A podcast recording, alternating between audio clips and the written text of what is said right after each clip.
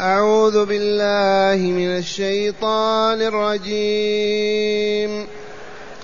بسم الله الرحمن الرحيم. الذين كفروا وصدوا عن سبيل الله أضل أعمالهم. والذين آمنوا وعملوا الصالحات وآمنوا بما نزل على محمد وآمنوا بما نزل على محمد وهو الحق من ربهم كفر عنهم سيئاتهم كفر عنهم سيئاتهم وأصلح بالهم ذلك بأن الذين كفروا اتبعوا الباطل وأن الذين آمنوا اتبعوا الحق من ربهم كذلك يضرب الله للناس أمثالهم معاشر المستمعين والمستمعات من المؤمنين والمؤمنات هذه الصورة لها اسمان تسمى بصورة محمد صلى الله عليه وسلم وتسمى بصورة القتال لذكر القتال فيها وذكر محمد صلى الله عليه وسلم فيها. لكن تسميتها بصورة محمد أشهر وأوسع. آياتها اثنان وثمانون آية. آياتها ثمان وثلاثون آية. كل آية تذكرون أو نسيتم. كل آية تشهد أن لا إله إلا الله وأن محمدا رسول الله. كل آية ومعنى آية علامة. كل علامة على أنه لا إله إلا الله وأن محمدا رسول الله. كيف ذلك؟ هذه الآية من قالها؟ من أنزلها؟ الله. إذا لا إله إلا الله. على من نزلت على من قرأت على محمد صلى الله عليه وسلم فمحمد رسول الله. كل آية في القرآن الكريم تقرر لا إله إلا الله محمد رسول الله. أي تدل دلالة قطعية على ألوهية الله وربوبيته وعلى نبوة محمد ورسالته صلى الله عليه وسلم. قوله تعالى بسم الله الرحمن الرحيم. الصور كلها تستفتح ببسم الله الرحمن الرحيم. اللهم إلا صورة واحدة وهي صورة التوبة المدنية وهي براءة من الله ورسوله. ما دام تعلن الحرب والبراء ما يحسن فيها بسم الله الرحمن الرحيم. إعلان براءة من الله ورسوله إلى الذين عاهدتم من المشركين. إذا قال تعالى الذين كفروا وصدوا عن سبيل الله. صفتان.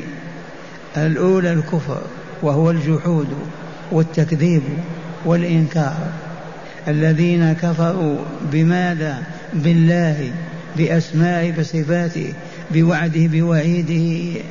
كفروا بالله بتوحيده كفروا بشرعه وكتابه برسول ونبيه كفروا بما أخبر به من الغيب والشهادة. أو الذين كفروا وصدوا عن سبيل الله.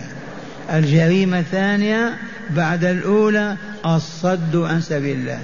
ما يريدون للإنسان أن يقول لا إله إلا الله دائما يصرفونه لو راسه. ما تقول محمد رسول الله ما تقول لا إله إلا الله وهكذا. وهذا النوع وإن كان على عهد رسول الله في مكة تبهتم وفي المدينة الآن ملايين البشر يصدون عن ما يريدون أن تسمعوا أنه لا إله إلا الله.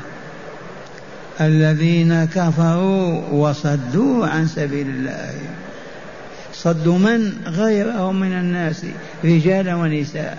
سبيل الله ما هي؟ الطريق الموصل إليه. ما هو؟ الإسلام. الإسلام. يصرفون الناس عن الدخول في الإسلام.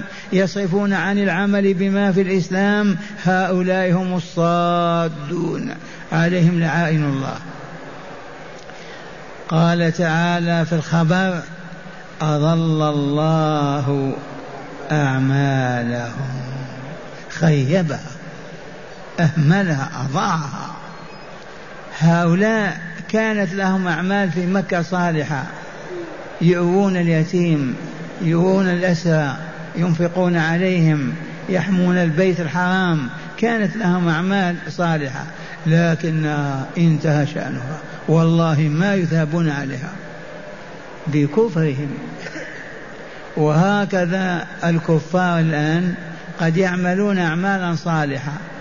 يؤوون اليتامى يطعمون الجائعين يعالجون المرضى. ما يفقدون ثواب هذا العمل في الدنيا. يبارك الله لهم في أعمالهم في حياتهم. أما الجزاء في الدار الآخرة فهم محرومون منه بعيدون عنه ليسوا أهلا له أبدا لأن قلوبهم منتنة عفنة بالكفر والشرك والعياذ بالله. فهمتم هذه اللطيفة؟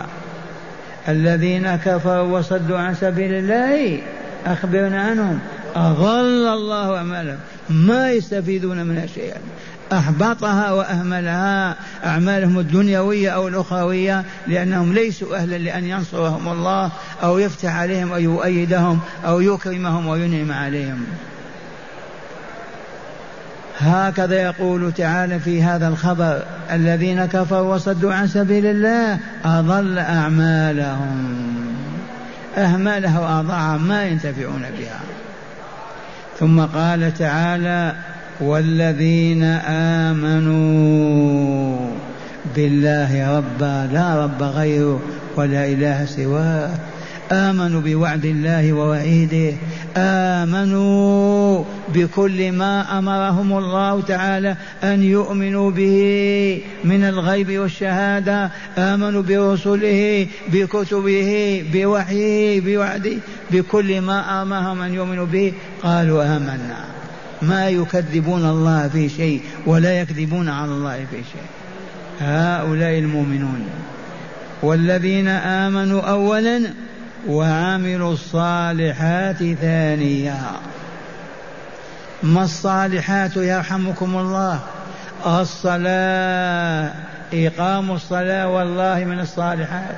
إيتاء الزكاة والله من الصالحات. صيام رمضان والله من الصالحات. حج بيت الله الحرام والله من الصالحات. الأمر بالمعروف والنهي عن المنكر والله من الصالحات. الرباط في سبيل الله من الصالحات. الجهاد في سبيل الله من الصالحات. بر الوالدين الإحسان الفقراء والمساكين. كل هذه الصالحات تضاف إلى إيمانهم.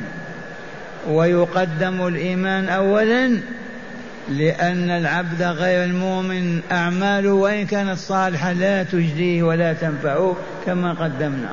لا بد من الإيمان. ثانيا الذي لا إيمان له قل ما يعمل عملا صالحا. يندر. أبدا. الإيمان كما علمتم أنه روح الحياة. آمن دقت فيها الروح ودخلت في جسمه. والذين آمنوا وعملوا الصالحات وآمنوا بما نزل على محمد. من محمد يرحمكم الله؟ صلى الله عليه وسلم. ها نحن في مسجده وها نحن قريبون من حجراته وهذه روضة الشريفة وهناك جسمه الطاهر وإلى جنبه أبي بكر وعمر. أية نعمة؟ أكثر من هذه النعمة. ومع هذا ما نحمد الله على وجودنا في المدينة. ما نستحي من الله أن نعصي الله فيها ونعصي رسوله ونتخذ هذه الدشوش والأباطيل والتراث والأكاذيب. يجب أن نعرف مقامنا. ألا ننظر نظرة محرمة. والله ما ننطق كلمة محرمة ولا نأكل حبة عنب محرمة ولا ولا لأننا في مقام سامي. إننا في مدينة الرسول صلى الله عليه وسلم. وكثيرا ما أقول إذا لم تستطع أن تستقيم في المدينة يرحل. اذهب إلى القاهرة وإلى دمشق وإلى العراق وإلى الشام وإلى مصر وإلى الجد وإلى جدة. ما تستطيع أن تستقيم في المدينة. اخرج منها ما هي بلاد زنا ولا ربا ولا كذب ولا خيانة ولا إهمال الصلاة ولا ولا. وافعل ما شئت. والرسول الكريم يقول المدينة تنفي خبثا كما ينفي الكير خبث الحديد. الكي الذي ينفقون به على الحديد. الحداد يعرف هذا. المدينة حرام من عائر إلى ثور جبلان غرب جنوبي وشمال شرقي يحوطان بالمدينة.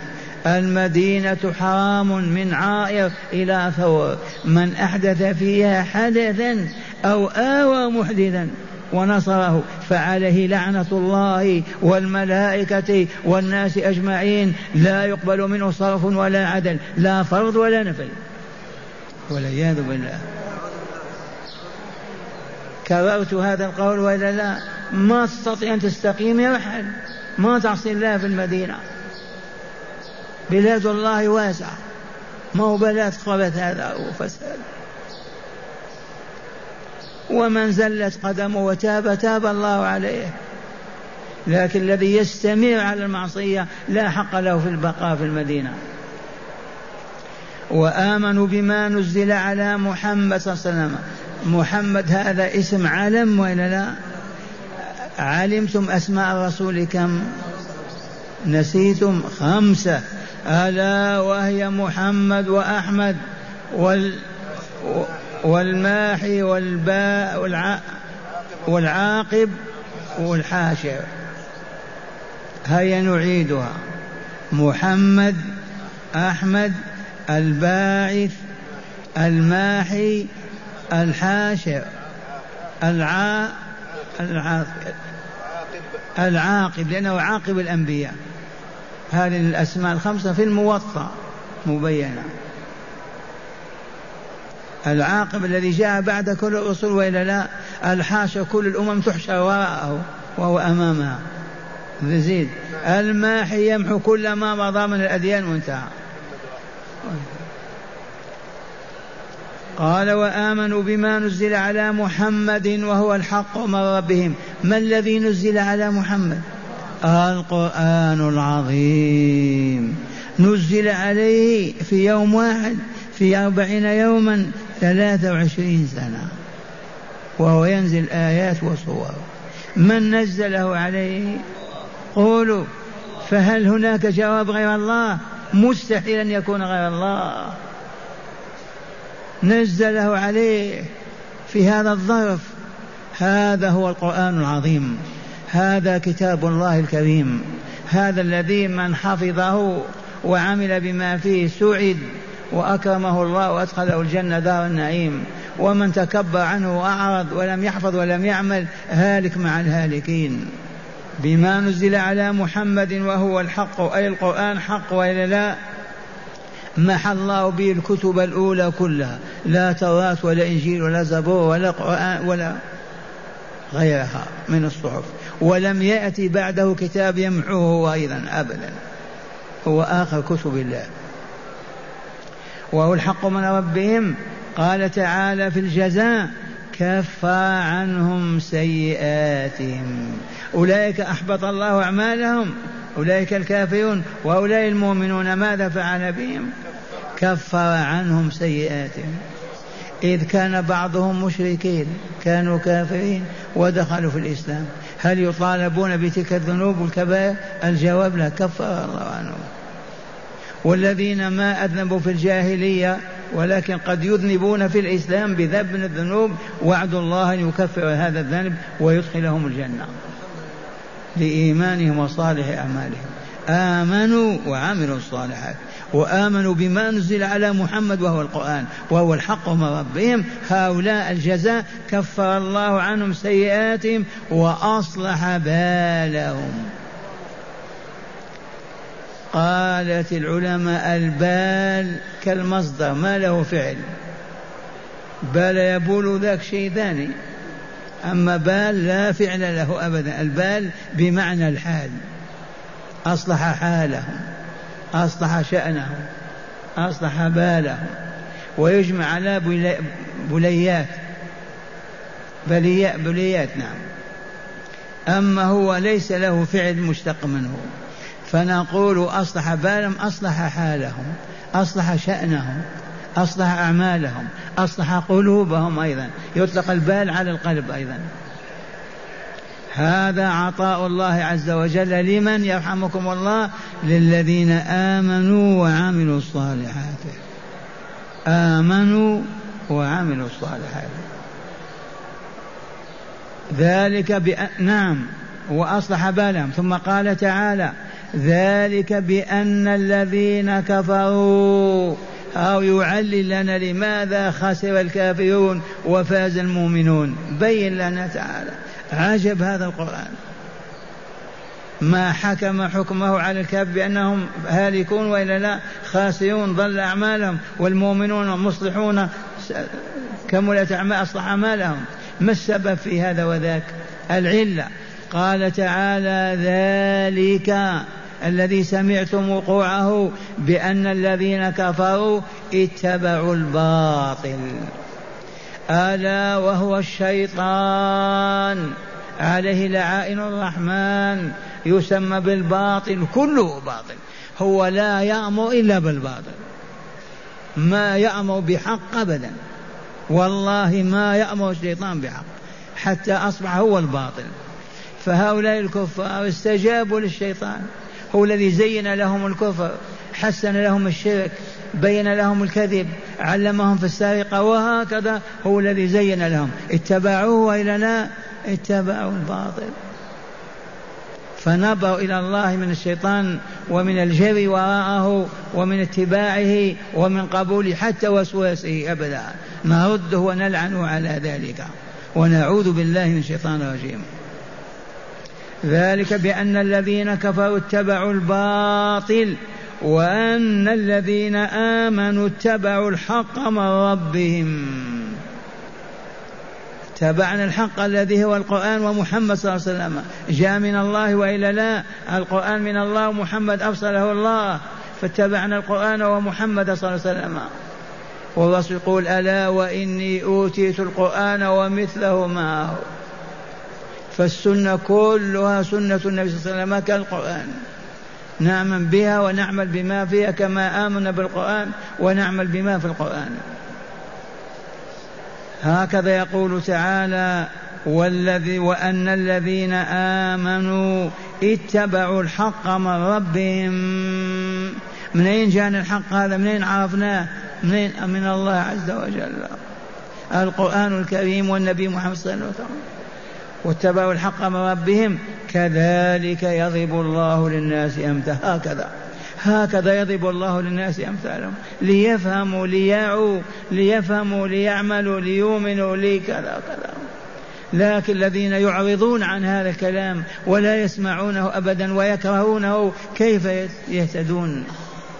لا بد من الاجتماع على كتاب الله. والاستماع إليه وقراءته والعمل بما فيه حتى ننجو ونسعد. هكذا ضرب الله هذه الأمثال وإلا لا؟ كذلك يضرب الله للناس أمثالهم والعياذ بالله. اللهم نسأل أن تهدينا هدى لا ضلال بعده وأن تقومنا لا اعوجاج بعده وأن ترضى عنا رضا لا سخط بعده يا رب العالمين. والآن مع هداية الآيات. بسم الله والحمد لله والصلاة والسلام على خير خلق الله سيدنا ونبينا محمد وعلى آله وصحبه. من هداية هذه الآيات أولا بيان طريقي الفلاح والخسران فطريق الفلاح الإيمان والعمل الصالح وطريق الخسران الشرك والمعاصي. إيه نعم. من هداية هذه الآيات الثلاث التي تدارسناها الآن بحمد الله من هدايتها بيان طريق بيان طريق السعادة وطريق الشقاء. فمن سلك طريق السعادة أي آمن حق الإيمان وعمل صالحا وتجنب الباطل والشر والشرك والفساد نجا وسعد ودخل الجنة. ومن أعرض عن التوحيد وكفر بالله وأشرك في عبادته وظلم عباده وفسق وفجر مصير جهنم. هكذا تدل هذه الآية. نعم. ثانيا بيان أن أعمال البر مع الكفر والشرك لا تنفع صاحبها يوم القيامة ولا تشفع له وقد يثاب عليها في الدنيا فيبارك له في ماله وولده. كما بينت لكم أن الكافرين أن المشركين أعمالهم الخيرية في الدنيا لا تنفعهم يوم القيامة ولا يثيبهم الله تعالى عليه أبدا. ولكن يثيبهم عليها في الدنيا بأن يبارك في أعمارهم في أموالهم في أعمالهم.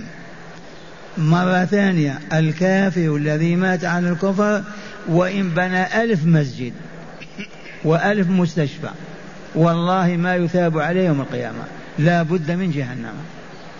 لكن إن عمل صالحا في الدنيا لا يحرمه الله تعالى مثوبتها في الدنيا. كما بين يبارك له في أولاده في عمله في صناعته مقابل إحسانه الذي أحسنه. لأن الله لا يضيع أجر من أحسن عملا نعم. ثالثا بيان الحكمة في ضرب الأمثال وهي هداية الناس هداية الناس إلى ما ما يفلحون به فينجون من النار ويدخلون الجنة. بيان هداية ضرب الأمثال والغريب أن العوام عندنا يضربون الأمثال. والله العظيم بالعامية حتى يبينوا لمن أراد أن يفعل ويترك. فضرب الأمثال شيء عظيم. يبين الطريق للسالك يبين له طريق السعادة من طريق كذا. والله عز وجل يقول هكذا نضرب الأمثال للناس لعلهم يذكرون فلنضرب الأمثال دائما وأبدا لننتفع بها.